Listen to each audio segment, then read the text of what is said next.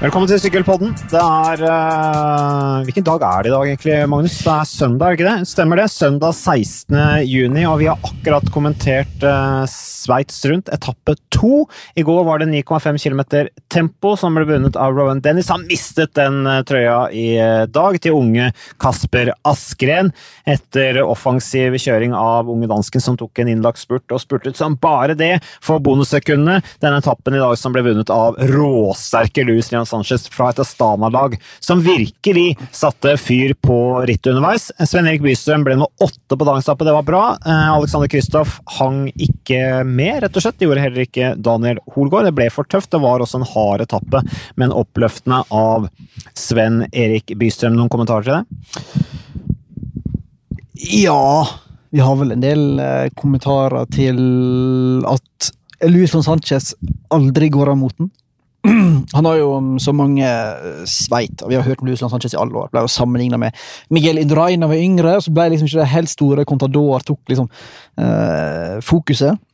Men Lucian Sanchez, si hva du vil, og det må du gjerne si, om hans eh, bruk av prestasjonsfremmende stoff og alt det der, men at han er klasse Altså, han er liksom selve definisjonen på klasse på sykkelen. Han sitter så riktig på den sykkelen.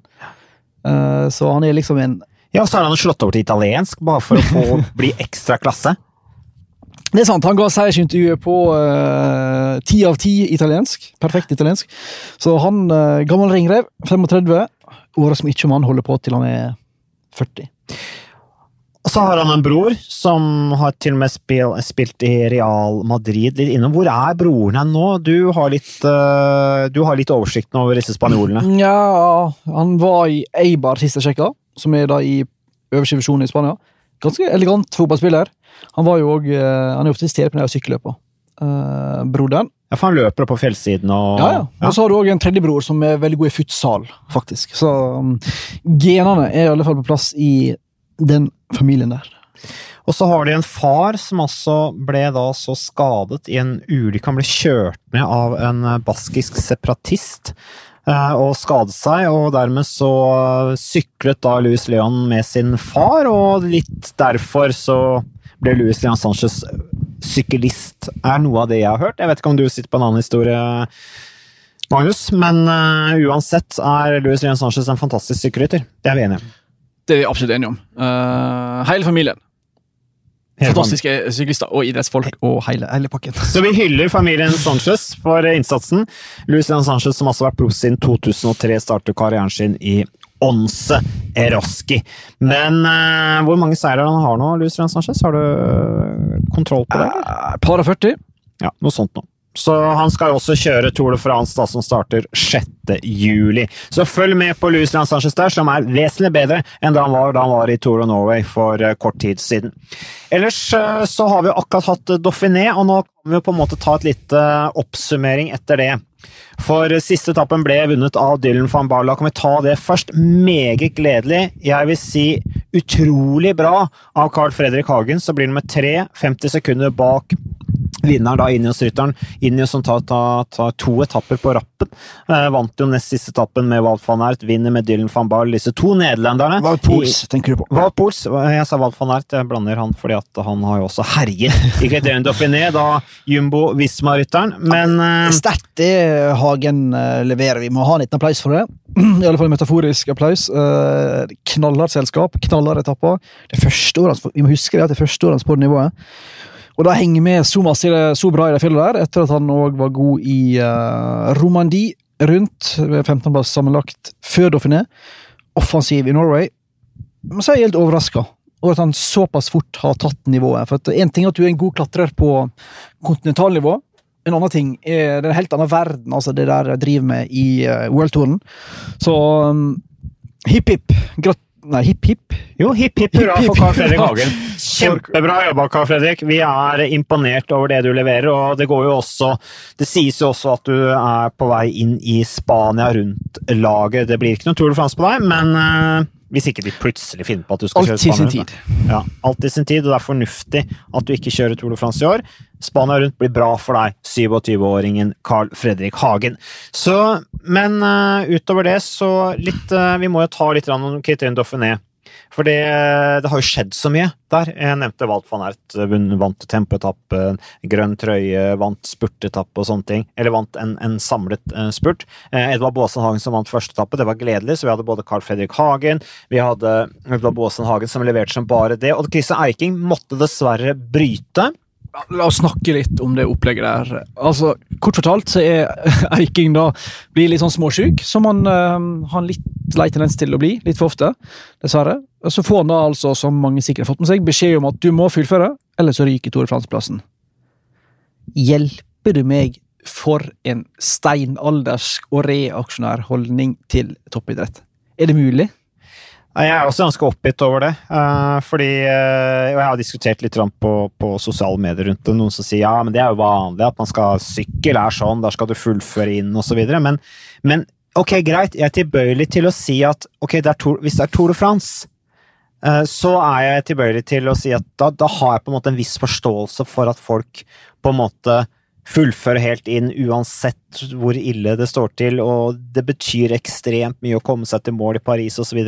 Men kriterium Dauphiné, altså hvis det er sånn at Odd Christian Eiking er aktuell for Tour de France-laget, så vil det jo være veldig dumt da, hvis han er sjuk og i tillegg fullfører disse to meget tøffe etappene av Criterium Dauphiné i det været vi så også at det var, så vil han jo bare bli enda sjukere, da, og enda mer nedkjørt. Og da vil han jo bare være, slite enda mer med å finne formen og få overskuddet til Tour de France.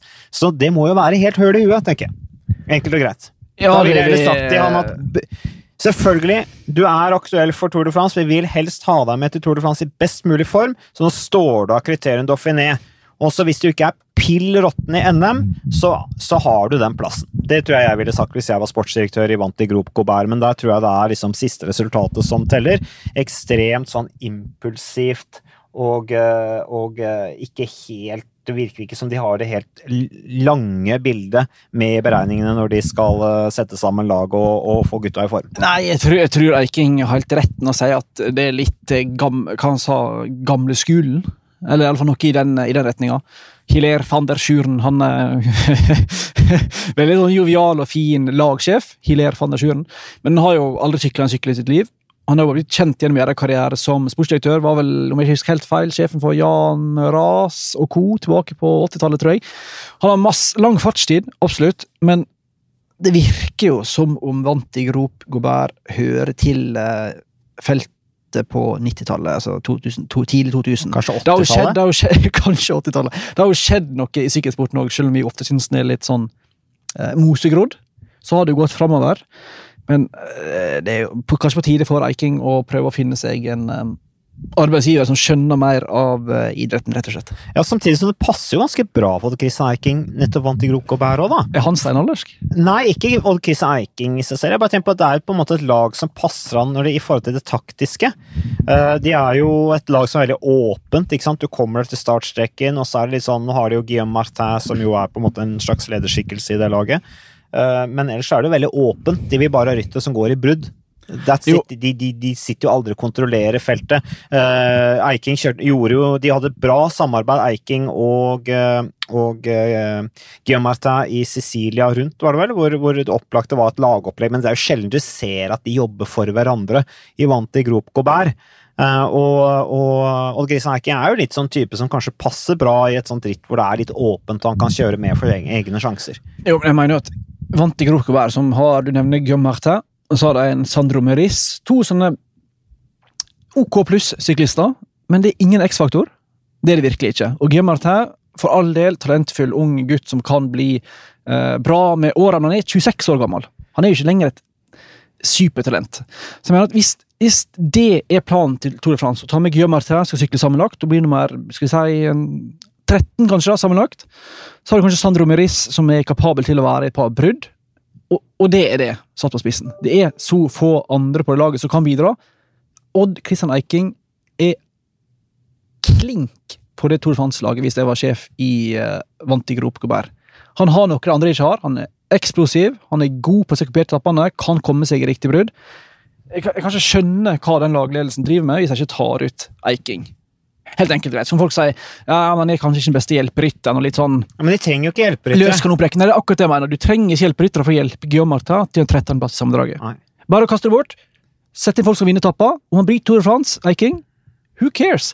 Gå for etappeseier. Det er ikke vits å få ni eller åtte, da. At alle skal fullføre rittet, det er så viktig, bla, bla, bla. Nei, det, det helt, men, men, vi er helt enige. En kaktus til ledelsen av Vante Group Gobert uh, for, uh, for, den måten de driver det laget på, og presser ryttere som ikke er sjuke, som ønsker å være best mulig i form til Tour de France. Når de gitt Odd Christian Eiking klare signaler om at han er en del At han, at han med stor sannsynlighet kommer til å bli tatt ut. Og da er dette her på helt feil premisser, i så fall at han ikke skal få være med i eh, disse tre ukene som vi ser fram til i juli. Ja, Med mindre da Eiking forteller oss en annen versjon av det som egentlig foregår. Men vi må bare gå ut fra at det han sier er Det kan hende at laget oppfatter at han Jeg vet ikke, jeg tenker bare høyt der, men at han kanskje ikke er så sjuk som han eh, mener. Men det, det, det, rimer jo liksom ikke. da. Eiking har jo selvfølgelig et behov for å sykle Dauphiné for å komme seg i form og for å vise fram, så vi må bare ta alt det han sier for god fisk, og da får i så fall uh, gruppe hver terningkast null. Nei, Det var litt sånn Dagoto-stil. Ja, terningkast én. Ja, vi går vel ikke lavere enn det. Nei, så Vi gir igjen terningkast én for, eh, for, det, og så håper vi at de løfter seg da i, i Tour, det kommende Tour de France. Ellers uh, er det da ja, Sven Erik Bystrøm kjørte bra i Sveits rundt. Han ligger også an til å få en Tour de France-deltakelse, og nå med sammen Nå må han på en måte med med Criterion Dauphiné, som er over. Siste etappen er gjennomført. Eh, de overlapper jo hverandre, Criterion Dauphiné og Sveits rundt. Vi sender jo begge deler. Så eh, er det da Jakob Fuglsang som da vinner Criterion Dauphiné for andre gang i karrieren. Sist det var, det var i 2017. Vinner da foran Tisha van Garden og Emanuele Buchmann. Litt overraskende pall der, syns du ikke det, Magnus? Nå tenkte jeg lenge. Jeg tenker at van Garden er overraskende. Mm. Uh, Buchmann har vært topp ti i alle World Tour-etapperitt de siste to åra, tror jeg. Mm. Bortsett fra Vueltaen i fjor med tolv. Det er godt resultat. Buchmann er jo stabiliteten sjøl. Absolutt en dark horse når det kommer til Tour de France i juli. Uh, absolutt kandidat for topp fem, topp ti. Ja, topp ti, vil jeg si, på Buchmann. At Solsang vinner, er ikke så overraskende. Han vant jo her i uh, eh, 2017 hatt sin beste sesong i karrieren så langt, med seier i Liège Baston Liège, topp tre i Flesh, topp tre i Amstel, nummer fire i Basken rundt, nummer tre i Trenå. Sitt livssesong i en alder av 34. Det er jo morsomt for oss som er naboer til Danmark, at vi har faktisk en rytter som kan være med der oppe. Da. Men jeg har jo mine reservasjoner, mildt sagt, til hva vi kan forvente i Tour de France. Altså, han har en sjuendeplass, det beste Grand Tour-resultatet han har. Det var Tour de France i 2013, sier notatene mine den eneste topp ti-plasseringen har i en Grand Tour. Og jeg sliter med, samme hvor god form han er, å se at han skal kunne blande seg inn helt der oppe. Topp ti, ok, men jeg tror ikke det blir noe podium på Folsang. Nå er jeg kanskje litt negativ. Men, men, men Folsang er jo, Folsang er jo eh, Det er ikke noe stor overraskelse at han vinner kriterium Dauphiné. Uh, men så har du liksom Tishman Garden, det sa du jo også, det er definitivt en overraskelse. Vi må på en måte si at det er tidenes comeback av TJ Van Garden. Uh, og han kommer jo sannsynligvis til å komme til Tour de France med ambisjoner om å prøve å få til noe der også. Vi må huske på at Tirsdag Van Garden har en femteplass fra Tour de France, men det du verden hvor lenge det begynner å bli siden. Buchmann er en fremtidens mann. Det er gøy å se at han klatrer, men liksom hadde kanskje forventet mer sånn forutsigbar pall der, da i årets kriterium Dauphiné ville vært ok, Folsang, greit, han er på pallen. Han kunne vært på pallen også i på en måte den pallen vi satte opp før rittet begynte. Thibaut Pinot, Dan Martin, Quintana, Bardet, Richie Port. Alle disse blir jo da slått ganske kraftig da, i uh, årets kriterium Dauphiné. Så det må være et ekstremt hardt ritt også, for øvrig. Interessant også å se at Wout Pools blir nummer fire sammenlagt. Og da må vi nesten snakke litt om, om, eh, om, om dette med, med, med, Chris Froome. For det endrer jo helt dynamikken i, i, feltet, etter min mening. Det kan endre det taktiske. Det kan gjøre at vi får Det vil sannsynligvis føre til at vi får et mye mer åpent ritt. Det gjør vi allerede, for jeg mener i hvert fall at Chris Froome var den definitivt største favoritten til å vinne årets Tour de France. Enig med deg det. Men det, det, er jo liksom et, et, merkelig skue hver gang um, eh, Team Sky og Chris Froome i Team Ineos, unnskyld, og Chris Froome er i søkelyset, så flommer jo internett over av sånne konspirasjonsteorier. Ja, for hvor skadet er Ja, sant. egentlig Chris Froome? Chris Froome skal da ha, ha Hvor er nakkekragen? skada både nakken, eh, C7, uh, rygg, Nakkevirvel. virvel, ja. Han har eh, brystbeinet skal være brutt, han skal brukt mange kragebein, albuen, eh, lårbeinet skal være skade i hofta òg, om ikke et brudd nødvendigvis. Så legger han ut et bilde der han uh, ser prega ut, selvfølgelig, fra sykehussenga. Men så bare begynner disse konspirasjonsfolka igjen å tenke Nei, han er ikke så skada, han ser ikke så skada ut, og det er bare bløff. Det er bare fake en skade. Så tenker jeg, Hvorfor skal noen fake en jeg bare, jeg bare Gi meg ende over. Og selvfølgelig hele sykehuset i Sant Etienne er jo med på denne Ja, konspirasjonen. det er det. Og bare fabrikkerer diagnoser og bare sier ja, Chris Froome, han har bare Han har ikke knukket nakken og Men det, alt når, er bare når du har skjønt bakgrunnen for denne teorien, at han skal fake denne skaden, hva, hvorf- hva motivasjon skulle han ha for å late som han er mer skadet enn han er? Nei, altså Årsaken til det er jo da at noen mener at han burde ha ligget med nakkekrage og sett Jo. mye dårligere ut enn det han faktisk var. Men så har du intervjuer da fra Dan Martin, blant annet, som jo lå oppe om natta og Mm. tenkte på dette her, for han syntes det var så ille. Han hadde altså kommet bare noen, eh, et minutt eller to etter at Chris Froome kjørte denne fjellveggen i 50-60 km i timen på trening, eh, og sa jo at han syntes det var rett og slett sjokkerende. Eh, Og Chris Froome lå der uten bevissthet, og det så virkelig ille ut. Mista masse blod. Så Jo, men alle ja. disse her Team Ineos og Chris Froome-haterne der ute, det er ganske mange av dem. Når du har skjønt hvorfor de mener at dette her ikke er så alvorlig som en skal det til? Har du skjønt liksom bakgrunnen for at folk driver og spekulerer i dette her? Nei, jeg Men det er helt skjønner, jeg skjønner ikke det. Altså, jeg er eh, jeg, jeg, jeg, er- jeg, jeg stoler på det som kommer ut av eh, offentlige pressemeldinger fra en fyr som er på et offentlig sykehus. Jeg, jeg vil på en måte Jeg vil anta at det ville blitt ganske kjapt bråk hvis de prøvde å skryte på seg noen skader som ikke var tilfellet. Mildt sagt. Og så er jo liksom eh, den der eh, det sosiale medier-greiene som eh, Jeg vet ikke hvor glad du er i det? Er du glad i sosiale medier? Eh, Nei, altså, det er jo et onde man bare må være med på. Eksakt. Eh, Så, så folk- jeg er på en måte litt sånn avhengig av det. Det er jo litt du også. Jo, i jobbsammenheng. Men jeg er så lei av at folk bare spyr ut eder og galle om all, alle sånne idiotiske påstander uten, ut, som ikke er basert i noe som helst samme fakta her. Uff, vi må rett og slett bare eh, Fristende bare måtte, Logge seg av. Ja, logge seg av, faktisk. Og Sånn begynne å lese papiravis, Ja. sånn som jeg gjør. Det hadde vært Leser du fortsatt papiravis? Ja, jeg leser papiravis. Jeg har en svær bunke nå som må i Men papirkullen. iallfall i idrettens verden så er det så mange sosiale medier som bare føler at de Så lenge sosiale medier, da kan du bare skrive akkurat hva du vil, uten å ha noen form for faktagrunnlag. Og så blir alt bare stor sånn suppe og rør Nei, uff. Jeg vurderer faktisk å slette Insta og, og Twitter nå. Ja vel? Vurderer. Kanskje, Ja, kanskje Si fra da før du gjør det. Si fra før du gjør det. Så fordi at uh, det er jo nesten som selvmord i dagens samfunn. Da blir Oi. du på en måte borte. ja, Nå føler du òg begynner å Ja, men det men- Men hvem, hva, hvem, hvilke favoritter har vi nå til Tour de France? Fuglesang. Nå skal vi, nå skal vi kaste terningen, Magnus.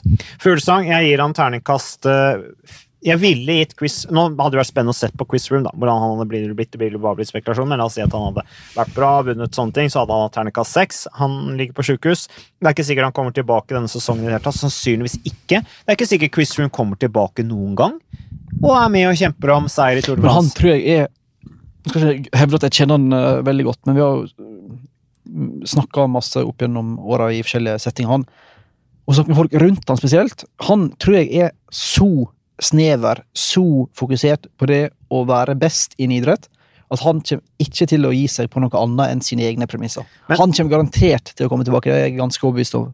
Men jeg snakket med min far i De Kagstad om dette med Chris Room for noen dager siden, og så sier fattern ja, men vær klar over det, sønn, sa han. At det har aldri skjedd at en rytter Det har bare skjedd én gang i Tour de France-historien at en rytter over 35 år har vunnet sammenlagt. Ja, jo, Og Chris Room Ja. eh, er 35. For all del, men jeg tror nok han kommer til å komme tilbake på et veldig høyt nivå. Men Tore Frans Tour de France eller ikke, vet jeg ikke. Men han kommer ikke til å gi seg som en skada utøver. Han kommer til å ville gå ut på toppen, eller i nærheten av toppen, iallfall. Det er jeg overbevist om. Ja, jeg støtter deg på det, og dessuten så kan han jo bare tenke på Chris Horner.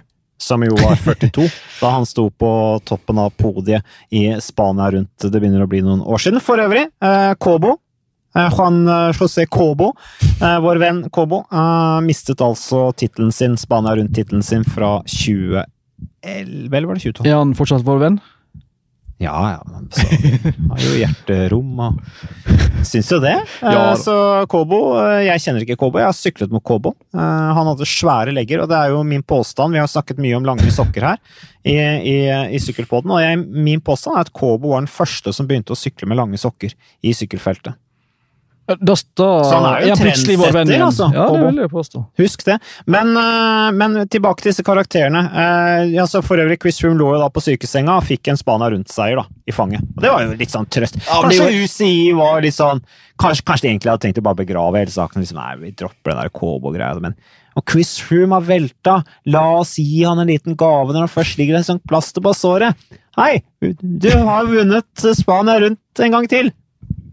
Da tenker jeg han jubler. Ja. Men det, det som er så absurd med den saken, som mange har snakket om, er jo uh, Nå får vi nå vente på at UCI kommer med sin fulle avgjørelse og begrunninger før vi på en måte slakter helt, men at det tar altså da fem år.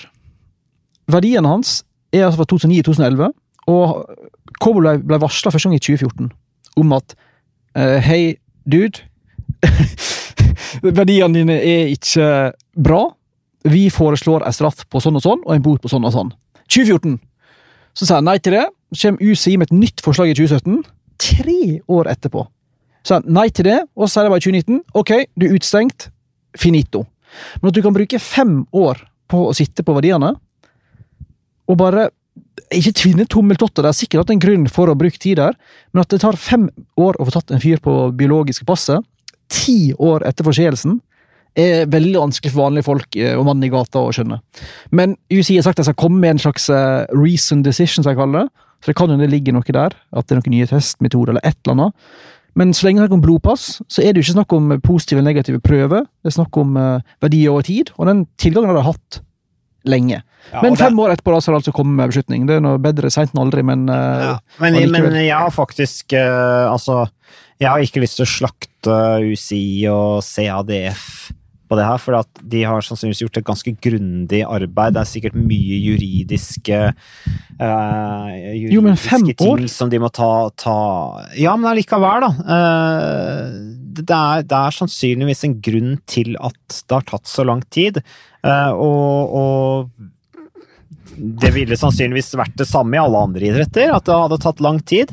Eh, Og det er sikkert en del idretter som ikke hadde giddet å satt i gang noe sak og, og, og fratatt eh, rytteren tittelen heller. Så det, jeg, jeg har tro på at det er gjort et grundig arbeid, og at det er det grundige arbeidet og alle disse hensynene de må ta, annet i det juridiske, som er årsaken til at det har, eh, har tatt tid. Det er kompliserte saker, og for øvrig, jeg tror at vi på en måte skal ønske sånne gamle saker velkommen, for at det er jo derfor de retester prøver, det er jeg helt enig Og sparer Absolutt. på de opptil ti år, ikke sant?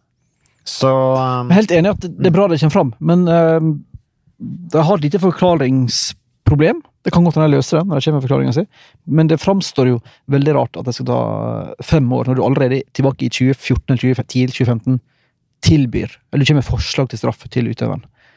Det, dette kan vi ha en kjempetabloid uh, podkast på med, med Rune Andersen eh, senere, eh, Magnus. Men eh, vi kommer jo alle til poenget her. Det er jo alltid ting som gjør at vi sporer av. Fuglesang Altså, Vi snakket om Chris Room, vi er ferdig med han nå. Han er ute, dessverre. Vi, vi, vi, vi håper at han vi ønsker han god bedring, håper at han kommer tilbake. Fuglsang er vant Christian Dauphiné. Han rykker da selvfølgelig langt opp på lista over favoritter til Tour de France, Ja. men jeg gir han en karakter fire, eller kaster terningkast fire. Men da kaster du terningkast på hans forberedelse i lands, sjanse å vinne Tour de France. Hans sjanser til å vinne Tour de France. Ok, En ternekast fire. Ja, jeg sier Eh, på bakgrunn av formen han har hatt hele året. Vunnet Liège Bastandier, han begynner å bli en erfaren rytter. Nå har han vunnet, han viser opplagt kjempeform inn mot Tour de France, vunnet Criterion Dauphiné. Han har et utrolig bra lag rundt seg i eh, Astana. Han er en smart rytter. Han, han er en som vil profitere på at rittet er mer åpent. Han er ikke dum taktisk, eh, litt mer åpent ritt i fella, det vil han eh, profitere på. Absolutt. Og så eh, Svakheten hans, da. Det er jo det at han har en tendens til å klappe sammen i, i Tour de France, som du vel var inne på, på Magnus. Uh, TJ van Garden, nummer to i Criterion Dauphiné, er han Nope. Er han favoritt? Nope. Nei. Rigoberto Uran er jo offisielt lederen der. Han skal få vist fram formen sin i uh, det som heter Rote Sud. Rote Occitanie om ikke altfor lenge. Jeg tror ikke van Garderen har det i seg over uh, tre uker. Gøy å se at han er tilbake på et høyt nivå. da. Han har jo liksom um, Han har jo vandra mellom fra det briljante til det håpløse. Og har jo liksom flytta rundt i hele verden. Altså, Fyren har bodd i Aspen, han har bodd i Toskana, han har flytta til Nis, flytta til Girona på en måte for å prøve å finne en plass der han kunne slå seg til ro og konsentrere om syklinga. Flytta til um, Basalt i Colorado sammen med dama i, uh, før denne sesongen. Og så har ha funnet liksom, ro og slått seg ned og slått røtter. Da. Og klart å Ja. Har du det bra utenfor sykkelen, så har du det ofte bra på, sier folk. Så det virker som han har funnet formen for gadderen. men jeg er redd at i en alder av uh, ja, 30 år at uh, jeg tror nok det der sammenlagt podiumtoget har gått for van Garderen, som ikke har vært på perrongen engang siste åra. Men uh, van Garderen også, som har to femteplasser samla fra Tour de France i 2014 og 2012. Han blir i hvert fall veldig bra hjelperytter for, uh, for, Nairo, nei, for uh, Rigoberto Uran. Ja, og det trenger de. Så Rigoberto Uran kan vi da, på bakgrunn av formen til Teacher van Garderen Van Garderen gir vi en terningkast én, som uh, hva gjelder favoritt til, til Tour de France. Han er, ikke, han er ikke der, mener vi, så der kan vi gå på en kjempesmell hvis han plutselig står på podiet. Men Uran Har ikke sykla, ritt siden California. Da ble han 14 sammenlagt. Har sykla eh, 15 konkurransedager hittil i år. Det er jo ekstremt lite i forhold til de andre konkurrentene. Etter å måtte bryte Paris-Nice i- tilbake i mars. Jeg tror heller ikke Rigoberto Uran har det skal til for å vinne Tour de France. Pallen? Ja. Det tror jeg nok. Det har han vist før. Sant? Han har to andreplasser i Giro og andreplass i, i Tour de France fra 2017, var vel det. Men er vel fortsatt Fun fact. Etter min mening soleklart tidenes beste etapprytter som aldri har vunnet etapperitt. Eh, Visste du det? Han har faktisk aldri vunnet etapperitt. Nei, jeg, jeg er klar over det, men han kom jo inn i, inn i sporten som et brak og, og hevda seg topp ti i Italia rundt sjetteplass i 2012 eller noe, var det ikke det? Eh, Så, eh, så eh, definitivt en, en, eh, en spennende rytter, men eh, jeg gir han en terningkast tre. Ja, det kan jeg være med på. Så da er vi enige om den. Da går vi videre. Uh, Team Ineos uten Chris Room, Egan Bernal, Garant Thomas, ikke minst. Eh, og så er det da Wout Pools. Er han en kan Han? vi, han, kan vi trekke inn han i favorittlista? Så fjerdemann samla fra Criterium Dauphiné vant nest siste etappe. Har jo um, sjetteplass fra Vuelta tidligere. Han har jo alltid sykla for andre ryttere. Så jeg tror at hvis han Han øyner sikkert en mulighet, han òg, da. På, men han, man er jo ganske lojal, Wout Pols. Så jeg tror ikke han går inn i Tour France med ambisjoner om å gjøre det. Men vil jo selvfølgelig holde seg unna trøbbel så lenge han kan, i tilfelle eh, de plutselig trenger en mann som kan gå for sammendraget hvis Geraint Thomas skulle um, krasje ut. eller noe annet. Det ville ikke vært første gang. Og Egan Bernal er jo fortsatt Han er jo alt annet enn et ubeskrevet blad, men har jo kun sykla én France. Så Joker S i ermet å ha for Ineos, egentlig, Valpols. Pols. Men eh, jeg tror ikke masse til om han blir bedre enn topp ti i en Ja, toer. så vi gir han en uh, toer. En terningkast to. Og så, da. Nairo Quintana. Nairo Quintana. Eller skal vi ta Ineos-gutta først? Ja. Garen Thomas gir vi en, eh, en eh, femmer. Ja. ja. Eh, Bernal gir vi en Fem. treer eller firer. Jeg tror han har like stor sjanse til å vinne Tour France og Garen Thomas. Jeg vil begge to fire. Det er litt spennende nå. Det er bare å følge med på TV2 Sport og se da Sveits rundt. Der er altså både Egan Bernal og Garen Thomas, som vi da gir terningkast fem. Ok, ja. Fire. Uh, Thibaut Pinot mm, virka sprek i starten av, eh, av uh, Criterion Dauphiné. Jeg mener han er en pallkandidat. Kommer jo også inn i Tour de France med mye lettere rittprogram. Blitt litt mer eh, voksen. Og uh, Men det er den lagtempoen da, som er redd at Pinot han havner langt bakpå ganske tidlig. Du har jo en lagtempo på dag to i Brussel, om jeg ikke husker helt feil, som Gruppama Groupama FTSjø aldri har briljert i. Har riktignok blitt litt bedre, det skal de ha, eh, men eh, han taper nå i alle fall minutter der til Team Inios. Da havner du den ganske tidlig, men eh, formen tror jeg ikke noe utsette på. Ble vel nummer fem i Dauphiné, og vant han vel Tour de l'Ain nylig. Så um, Det hadde gøy hvis han for en gangs skyld skulle lykkes Tour de. Det er på en måte alltid et eller annet som går skeis i toren for Pinot. Ble fem i Terreno Alderatico. Ble tolv eller elleve i Catalonia rundt. Ikke noen superresultater, men har vært jevnt over i bra form i hele år, Thibaut Pinot. Så jeg gir han en eh, Med tanke på pallen, så gir jeg han en firer. Det er fair. Ja. Da er vi enige om det. Eh, hva med Dan Martin? Ja, jeg tror uh, den Martin tar en sånn klassisk uh, Tour de France. En sånn en etappeseier, og så en plass i topp ti. Åttendemann i sammendraget i kriterium Dauphiné. Han har ikke vist noe som skal tilsi at han er en av de store favorittene, men Nei. han er alltid han er alltid i nærheten av formen han skal være i form. Han er god på prikkeren, så han kommer ikke å komme Tour de France og være helt håpløs. Hatt en fin sesong eh, på mange måter, i og med at han var ganske jevn, både to i Baskeland rundt, og eh, var nummer sju i UAE-tour, fire i Valenciana. Og han greit med i Dauphiné. Ikke sånn i toppform enda, men jeg tror det er greit at Martin for en gangs skyld ikke kommer inn i, form, i, inn i Tour de France i toppform men faktisk ser til å kanskje kunne komme kjøres litt i toppform. Det tror jeg har vært uh, lurt for han.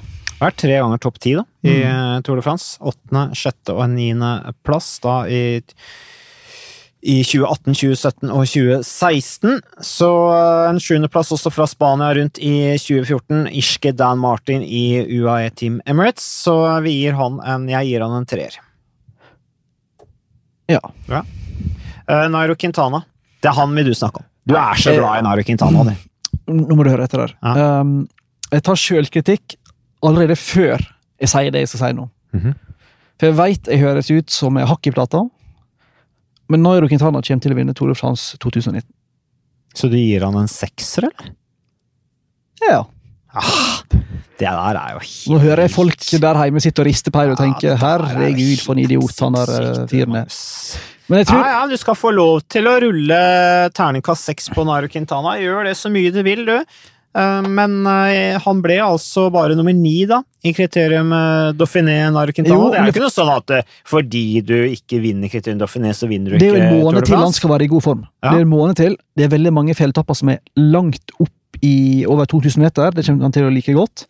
Han har en Valverde som lagkompis han har vært god hele år, egentlig, syns jeg. Nummer to i Paris-Nice, nummer fire i Catalonia, nummer fem i Colombia, der han vant en etappe.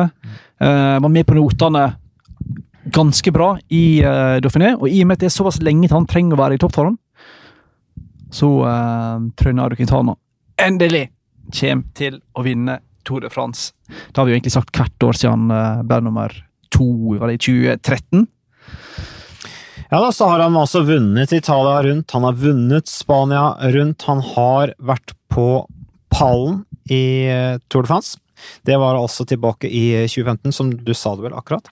Så eh, ja, nei, vi får bare heie, heie på Nairo Quintana, som ikke sier så mye. Blitt 29 år gammel eh, Quintana, så vi kan ikke kalle han ung lenger, men han er definitivt lovende. Hvis han bare har spruten, da, energien, det der, det der til å Den der, det trøkket. Men det er helt klart at for Nairo Quintana vil det være en fordel, sånn som det utvikler seg nå, det at Chris Room ikke er der. Ja, ja. Det vil passe Nairo Quintana mye bedre. Så han et knallsterkt lag rundt seg, men det har jo også selvfølgelig Geraint Thomas og Bernal. Men jeg tipper at Bernal og Quintana kommer til å ha et par dueller oppe i fjella i, oppe i kinnluft når vi bikker 2000 meter over havet, eh, som vi skal gjøre flere ganger i år i Toren. Men eh, Så du gir han sekser, altså? Jeg skjønner at den terningkastgreia Nei, det er jo bare for å være tabloid. Ja, men jeg tror han Jeg tror han vinner, så da blir det vel per definisjon terningkast seks, da. Ja, men jeg gir, eh, jeg gir Quintana en, eh, en firer. Ja, ok. Hvem tror du vinner, da? Hvis du skulle sette, sette 1000 kroner på en person, hvem setter du deg 1000 kroner på? Det er så vanskelig med, med Tour de France, men... sånn som det er. Men, jeg, men, men, men altså Geraint Thomas er faktisk min største favoritt. Jeg gir han en femmer, og det er det meste jeg gir uh, en rytter uh, av mine favoritter da, til Tour de France, er en femmer. Men Garen Thomas snakker vi om i mange år som en sånn uh, litt sånn Wilco Kellermann nesten type. Litt sånn uttursmann. Mm. Krasja og spunkterte han, og så, det var liksom alltid et eller annet som gikk feil. Så kom han seg gjennom Tour de France i fjor helskinna, alt gikk etter planen, og det stemte. Men tror du han klarer det to år på rad? Uten. Det er kun én individuell tempo, husk det. Inni jo selvfølgelig sterke på lagtempoen. Kun én individuell tempo. Den er ikke så altfor lang, den er òg litt kupert. Jeg vet ikke, jeg. jeg eh, litt sånn spørsmålstegn rundt eh, Thomas, men formen hans tror jeg er der. Alt Men- tyder på at formen hans er på vei dit den skal være. Jeg gir i hvert fall uh, Garen Thomas en femmer, uh, og når vi snakker om Chris Room og sånne ting, altså man kan si at ja, det er en fordel for Garen Thomas at Chris Room ikke er der, han burde være glad og sånne ting, men husk på at han vant jo Tour de France i fjor med Chris Room ved sin side, eh, og det er jo helt klart at de, de klarte jo faktisk å samarbeide, de utfordra hverandre noe også, men de klarte til slutt å samarbeide, eh, og jeg er litt usikker på om det er noen fordel for, for Garen Thomas at han ikke er der, Eh, men, men han rykker i hvert fall opp i hierarkiet. Det er jo ikke tvil om at Garen Thomas kommer til Tour de France med økt press. De skulle jo i utgangspunktet starte med relativt på et likt utgangspunkt og se an hvordan utviklingen var underveis i rittet. Men Tom de Moulin brøyt uh, Dauphiné, eh, måtte bryte Giro Italia. Hadde han- en dårlig sesong, men eh, hadde et brukbart kriterium Dauphiné før han brøyt. Ble tre på tempoetappen, blant annet. Var kjempeskuffa, faktisk, etter den tredjeplassen på tempoen i kriterium Dauphiné. Men han, han er jo en mann med masse følelser, han er òg veldig glad i å snakke seg sjøl ned. Mm. Men er det noen som alltid er i form når de skal være i form, så er det Tom Dumoulin. Du kan alltid stole på at han prikker inn formen han trenger den. Så så lenge kneskaden ikke er verre enn det virker nå, tipper jeg han kommer til å komme i Tour i kanonform. Og, men det eneste er det haka ved laget hans. Sånn, de klarer jo, evner jo ikke å rekruttere nok klatrere i det der eh, Sunweb-laget, av en eller annen grunn. De rekrutterer helt annerledes. De har liksom kun Sam Aamen og Wilko Keldermann. ikke så veldig mange andre. Robert Power, men det er liksom De er ofte skada, ofte syke, det er begge to nå. Så laget hans taler mot han, men at Froome ikke er der, taler selvfølgelig for. sånn ser med alle andre. Jeg gjør det. Risikoen Altså, hvis det blir mindre kontrollert kjøring altså, Ineos og Froome kjører på en måte som på en måte er den måten Tom de Moulin også eh, vil kjøre på. Det er bare at han har ikke lag til å gjøre det. La oss si at plutselig Team Sunweb må ta mye mer ansvar. da, Det blir mye mer kaotisk brudd som går osv. Har Tom de Malay da noen til å hjelpe seg? Nei, men jeg tror han er en kløktig rytter. Litt som Folsang. Han er ganske taktisk smart. Vi har sett mange ganger endagsløp, både i VM og i andre ritt, at han er, han er absolutt kapabel til å kjøre resultat både i Grand Tora og endagsløp, som er kaotiske. Så om det blir åpent ritt og mange angrep i fjellene, tror jeg ikke nødvendigvis Dumoulin er svekka av den grunn. Det tror jeg ikke. Selv om han selvfølgelig er en litt mer sånn Miguel Indurain-motor som liker ting går litt jevnt. Jeg tror han er skarp nok i hodet til å komme seg av gårde der det er verdt å være. Og han, han liker jo offensiv, offensiv sykkelritt, så jeg tror uh, Dumoulin blir farlig. Kanskje, Tom kanskje Quintana er største utfordrer. Tom de som altså har reist i høyden, dro hjem fra Criterion Dauphiné, ville ikke ta noen sjanse med tanke på den kneskaden som han pådro seg da på fjerde etappe i eh, Giro d'Italia i år, som han da måtte bryte, var et av hans store mål. Men uh, du er fremdeles noe du skulle sagt om Tom de Magnus. Er du ikke ferdig med han ennå? Nesten. Fordi blir Tour de France 2019 året der den som vinner, vant fordi ikke er der? Skjønner du hva jeg mener? Blir det sånn hake ved den som vinner nå, at ja, Dumoulin vant, men det var fordi ikke var der. Eller har vant endelig, men det var mest fordi ikke var der. Mm. Blir det en sånn en? Det er utrolig kjipt i så fall for de andre som det blir jo eh, ikke det, for det er vi vant til fra sykkelløp. ikke sant? At eh, du klarer aldri å samle de beste uh, til start, uansett hvilket sykkelløp det er. Så, men Tom Demelin ville jo vært en verdig vinner av Tour de France, syns jeg. da. Uh, og han, men han liker jo ikke løypa. Han, han likte jo ikke løypa, det var derfor han sa jeg kommer nok til å satse på giroen i år, fordi jeg syns ikke løypa til, til årets Tour de France passer meg noe særlig. Men nå må han jo kjøre touren allikevel og satse på den, og har sannsynligvis mer energi i og med at han ikke fikk gjennomført uh, skirenn, så får vi håpe at han får trent bra, da. Men jeg gir i hvert fall Tom de Moulin en ternekast fem. Enig. Ja, da er vi enige om det. Richie Port. Jeg trodde jo, jeg slang jo ut her at jeg trodde han kom til å vinne kriterium Dauphiné. Bomma jo ganske grovt på det, da. Men uh, vi har snakket litt om det, Magnus, at uh, vi tror jo bare at det er en fordel at Richie Port ikke vinner kriterium Dauphiné, for da har han ikke det presset på seg. Kanskje kan han for en gangs skyld ta steget opp på pallen i en Grand Tour. Det hadde kledd han en rytter som vunnet Paris-Nice, Tour de Romandie, Catalonia, Sveits rundt, Tour Down Under. Og mangler jo bare å ta steget opp på pallen i en eh, Grand Tour. Rishi Porch, som ble nummer 11 sammenlagt i Kriterium Dauphiné, viser at han er i greit rute etter mye skader og sykdom osv. Så, videre. så unner vi vel Richie Port å få det til. De har jo satt ut John Degenkolb av Tour de France-laget. Rytteren som også reddet av Segafredo i fjor med å vinne denne etappen inn til Robé. Han får ikke være med i juli fordi de skal gå all in på Richie Port. Eh, stusser litt over. Ja, jeg syns det er unødvendig stor risiko å satse på at uh, Richie Port, som aldri har hatt pallen i en Grand Tour, uh, skal plutselig vinne Tour de France. At du ikke har da en backup-plan, som Jon Degenkolb ville vært, og var i fjor. Han vant den en Brosandstappen og redda jo Toren på en måte. Du har selvfølgelig med en Bauke Mollema, men han kommer fra en sterk femteplass i Giroen og er selvfølgelig ikke klar for å kjøre sammendrag der. Så du satser alt på ett kort, og når det ene kortet ditt er Richie Port, begynner jeg å stusse litt på hva han lagsjefen, han eh, Guercilena i Trek, Trek Segafredo, egentlig eh, tenker på. Det høres eh, veldig risiko ut. Du har riktignok med Julio Ciccone skal sannsynligvis sykle. Jesper Stauben, så du har jo ryttere som kan vinne etappa. Ja. Men det er jo fra brudd, så jeg syns det er unødvendig stor risiko å ta. Ja, og jeg tror faktisk Richie Port ville ha godt av å ha en annen type kaptein Absolutt. i laget, sånn at ikke alt presset var på han. Mm. Eh, jeg tror eh, Richie Porter er en type som klapper litt sammen jeg, under for mye press. Han har jo psykolog, og det er mye sånn greier med Richie Det er Port. jo- Dessverre, jeg unner han alt vel, 34-åringen, som, eh, som må da fortsette å leve med presset. Det er bra, det. det Toppidrett handler om eh, press, men, eh, men vi er ikke helt enige med strategien til, til Treksega Forening, som setter ut selveste John Degenkolb fra laget. Ja, altså jeg er heller ikke helt enig i strategien til laget generelt. Jeg syns de rekrutterer veldig rart.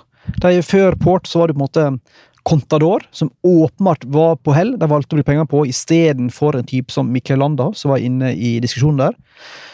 Så Contador, begrensa suksess. Sant? Åpenbart på hell, men jo, hadde selvfølgelig en markedsverdi som var stor. Så velger du å bytte ut han med Port, som er allerede 34 år. Ikke akkurat en for framtida. Så velger han altså å hente Vincento Nibali, som vel er en ett år yngre, en 33 eller noe sånt. Sånn, det er kanskje på tide at den trekkgjengen faktisk finner noe litt yngre.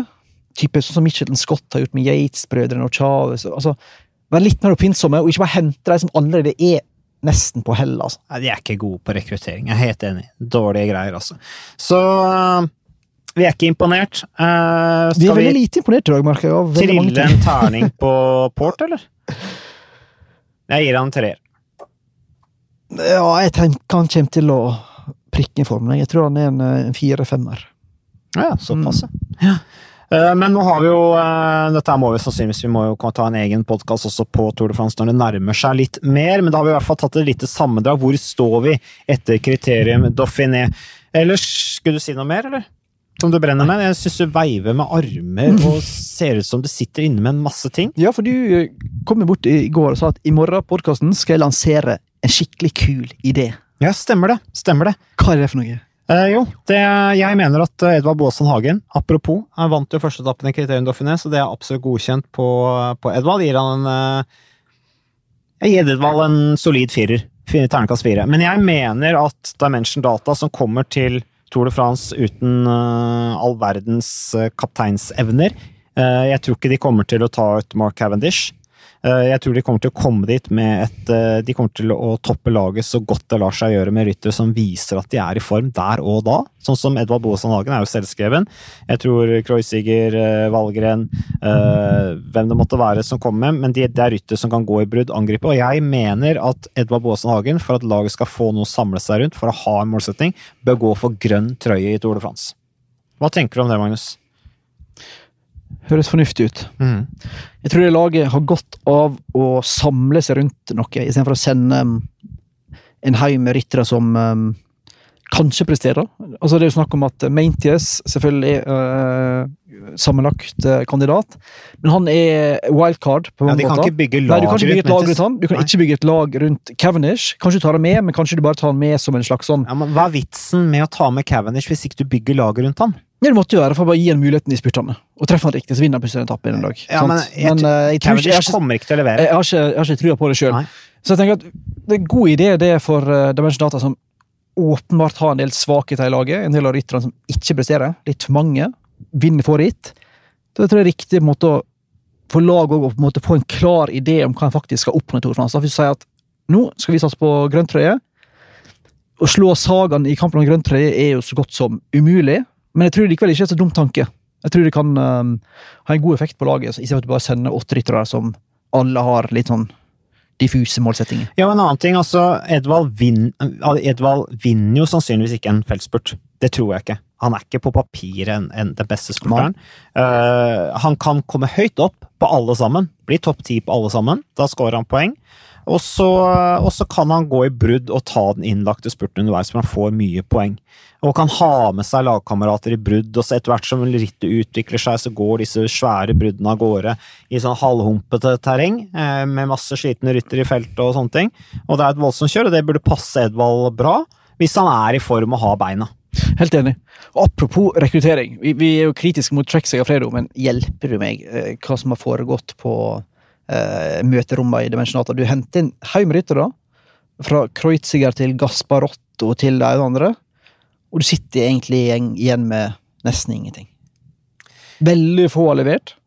Det tror jeg til og med de som eh, har uh, sympatier med Dimensjonata, vil være innrømme. De trenger en overhaul Dimensionata før neste år. Ja, men de har jo allerede kjørt en overhaul før årets sesong. Ja, de trenger enda en? Det blir jo uh, Så, så de, har ikke lykkes, de har prøvd hardt. Jeg hørte jo et uh, intervju med Douglas Ryder på det var Cycling News-podkastene uh, i forbindelse med Giro Italia, og jeg følte at han nesten var på gråten.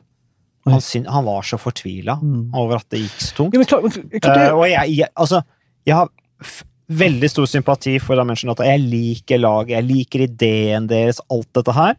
Men de sliter, altså. De, de har bomma på, på, på og, og, og, det er sykdom, det er skader, det er masse greier. Men ja. Så har du òg en del individualister på laget. På godt og vondt. Uh, som uh, en uh, Stephen Cummings, for eksempel, som på sin beste lager er fantastisk, men på, som ikke nødvendigvis er en veldig sånn teamplayer. Det tror jeg er ukontroversielt å si. Men så tenker jeg også med, med Dimension Data at jeg skjønner at Douglas Ryder er frustrert, for han bygde opp et lag med en idé om å fremme afrikanske syklister. Så har du hatt en del kjempetalenter. Du har hatt en Natnael Beran, du har hatt en Tekle Heimanot, du har hatt en Kudus, du har hatt flere eh, som åpenbart har det fysiske til, men som av en eller annen grunn ikke lykkes. Og en har jo ikke klart, nødvendigvis Du har fått flere afrikanske ryttere opp på øverste nivået, men de preger jo ikke sykkelsporten sånn som mange kanskje tenkte. Det er jo Ti år siden sa folk at ja, nå kommer straks en afrikaner og vinner Tour de France. Men se på Kudos i Sveits rundt da. Er vi ganske langt unna. Men se på Kudos i Sveits rundt da. Mm. Han var jo en av de sterkeste rytterne i feltet. Jo, men leverte jo ikke noe på Dimension Data i samme grad. Du visste hva han hadde inne. Alle som følger sykdommen, vet at Kudos er et supertalent.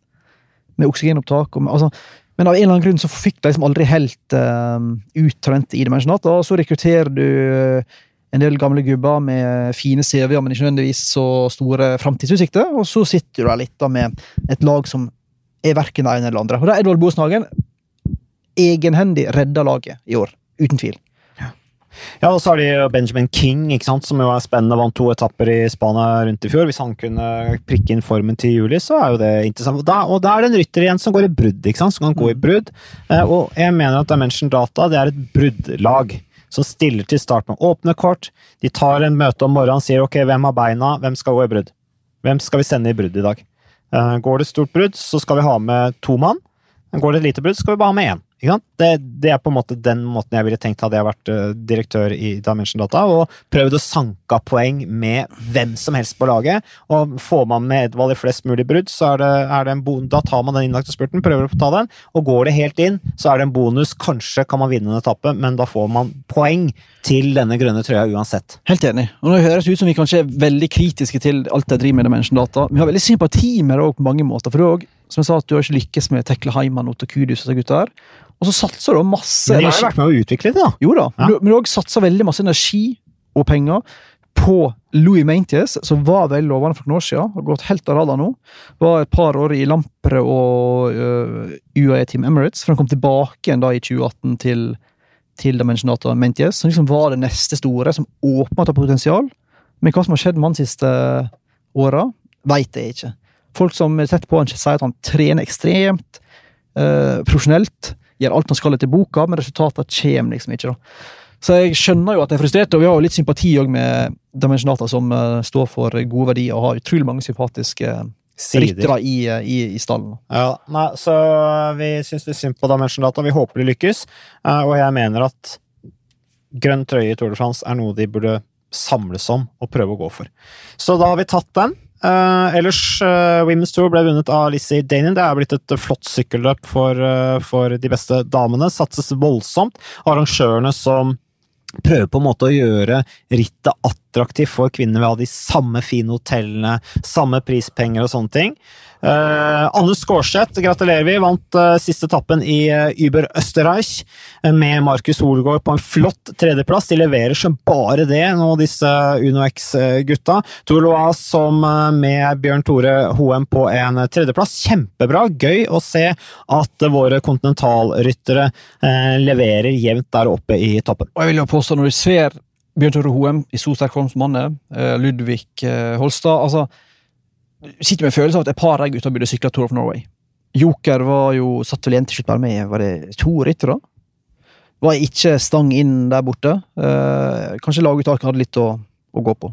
Ja, de, de, sliter med å lykkes i Tour of Norway. Det er litt mm. rart, for det burde jo være kjempeviktig Mange for gode rytter. Ja, det burde være utrolig viktig for uh, Joker uh, Fuel of Norway, som det heter nå. Men bare for å gå raskt tilbake til Du nevnte um, damesykling light. Du nevnte Lizzie Danian som vant uh, i, i, Storbritannia. Og nevnte det med at de, prøver å få like masse pengepremier. Ja. Det tenker jeg er flott. Jeg tenker Det er viktig sånn symbolsk at du har riktige pengepremier, men jeg, jeg føler på en måte ikke at det er der fokus nødvendigvis bør ligge. Jeg tror, jeg er enig med Mick van Fløyten nå sier at det er ikke nødvendigvis premiepengene som er det viktigste her. Det er viktigere for oss å få en minimumslønn og forbedre arbeidsvilkår.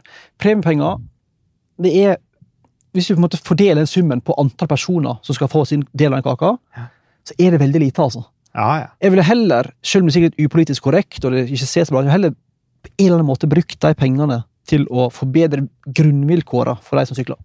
Ja, men det er jo arrangørene at de, det blir jo på en måte et volds, det blir jo på en måte et stort innhugg i budsjettet deres hvis de skal på en måte jobbe på den måten gjennom hele året med alle lagene og alle rytterne. da kontra å ha en pengepremiepott. Dette her var jo noe arrangørene tok initiativ til, og jo, hvis vi hadde sponsorer ja. som sa at vi skal trøkke til litt der Men det er noe vi, vi i media vil henge oss opp i, for det er enkelt å måle. Det står jo svart på hvitt hvor masse vinnerne av Liège sånn Liège for menn får, og hvor masse vinnerne for damene får. og Det er jo kjempeforskjell. Men jeg tror heller bedre for damene, men faktisk la til rette for som du sier, bedre um, opphold, mer dekking av utgifter i forbindelse med ritt. altså Bruke pengene litt annerledes. da. Men jeg skjønner jo at det kanskje er en liten utopi når vi i media er så ivrige på å kritisere de som ikke har lik pengepremiepott. Så ja, Nå var jo du der igjen, ikke sant? Kritiserer og ja. Kan vi slutte å kritisere Mari? Ja, ok. Og være litt positive. Men uh, Belgia Rundt ble vunnet av Remco Evenpol, som er uh, førsteårs uh, senior, førsteårs U23 og førsteårs proff. Hvor langt kan en mann nå? Ja, det er liksom Det er, det er jo uh, må være litt vondt for Eller gutten. Må være litt vondt på de som er på samme alder, som blir beskrevet som kjempetalent, og som ikke i nærheten av nivået han uh, har inne. er jo helt uh, avsindig å vinne et sånt ritt i den alderen der. Det skulle egentlig ikke være mulig. Jeg så et sitat, jeg tror det var da altså Kampenart, altså liksom, nylig tatt timesrekorden burde være relativt ha bra fart i beina, da. Uh, bra og, og stor motor. Han sier at han har aldri kjørt i brudd med noen som har kjørt så hardt som det han da gjorde med 19 år gamle Remco Evenepool, som uh, altså vinner da, eller vant Belgia rundt uh, sammenlagt. Han kommer da fra Hammer Lindberg og ble kjørt til disse Hammer-rittene. Hatt et fornuftig rittprogram, kjørt Tour of Norway blant annet, hvor han også var kjempesterk. Var i brudd, kjørte som bare det. Viste seg fra en fin side. Kjørt Romandie rundt. Men uh, dette var virkelig et uh, steg opp. Vi kan jo også nevne at han ble ni i åpnings- eller debutrittet sitt da, for både sesongen og som proff, og som førsteårs eh, senior U23-rytter i Vuelta a San Juan internasjonal, hvor han ble ni samla. Så det er imponerende av Remco Evnepol, som uh, hvor sky is the limit, ser det ut som. Er det noe mer du har lyst til å si da, Magnus? Før vi tar kvelden? Nei, jeg føler jeg har fått ut masse aggresjon og, ja. og fått mange gode Hvor sint var du egentlig før du kom inn hit? Nei, men Det er bra vi får på en plass mot å, å, å lufte tankene. og... Du ser mye mer rolig og balansert ut nå, Magnus. Da tenker jeg da er det veldig greit å dra hjem og drikke litt kamomille-te. jeg, skal, jeg skal vurdere det. Ja, Nei, men Da ønsker jeg alle lytterne en eh, fin uke som kommer. Følg med på Sveits Rundt. Og så er det jo da det siste oppkjøringen til eh, Tour de France etter det med nasjonale mesterskap og hva det måtte være. Men vi er tilbake om eh, ikke veldig lenge. Takk, takk.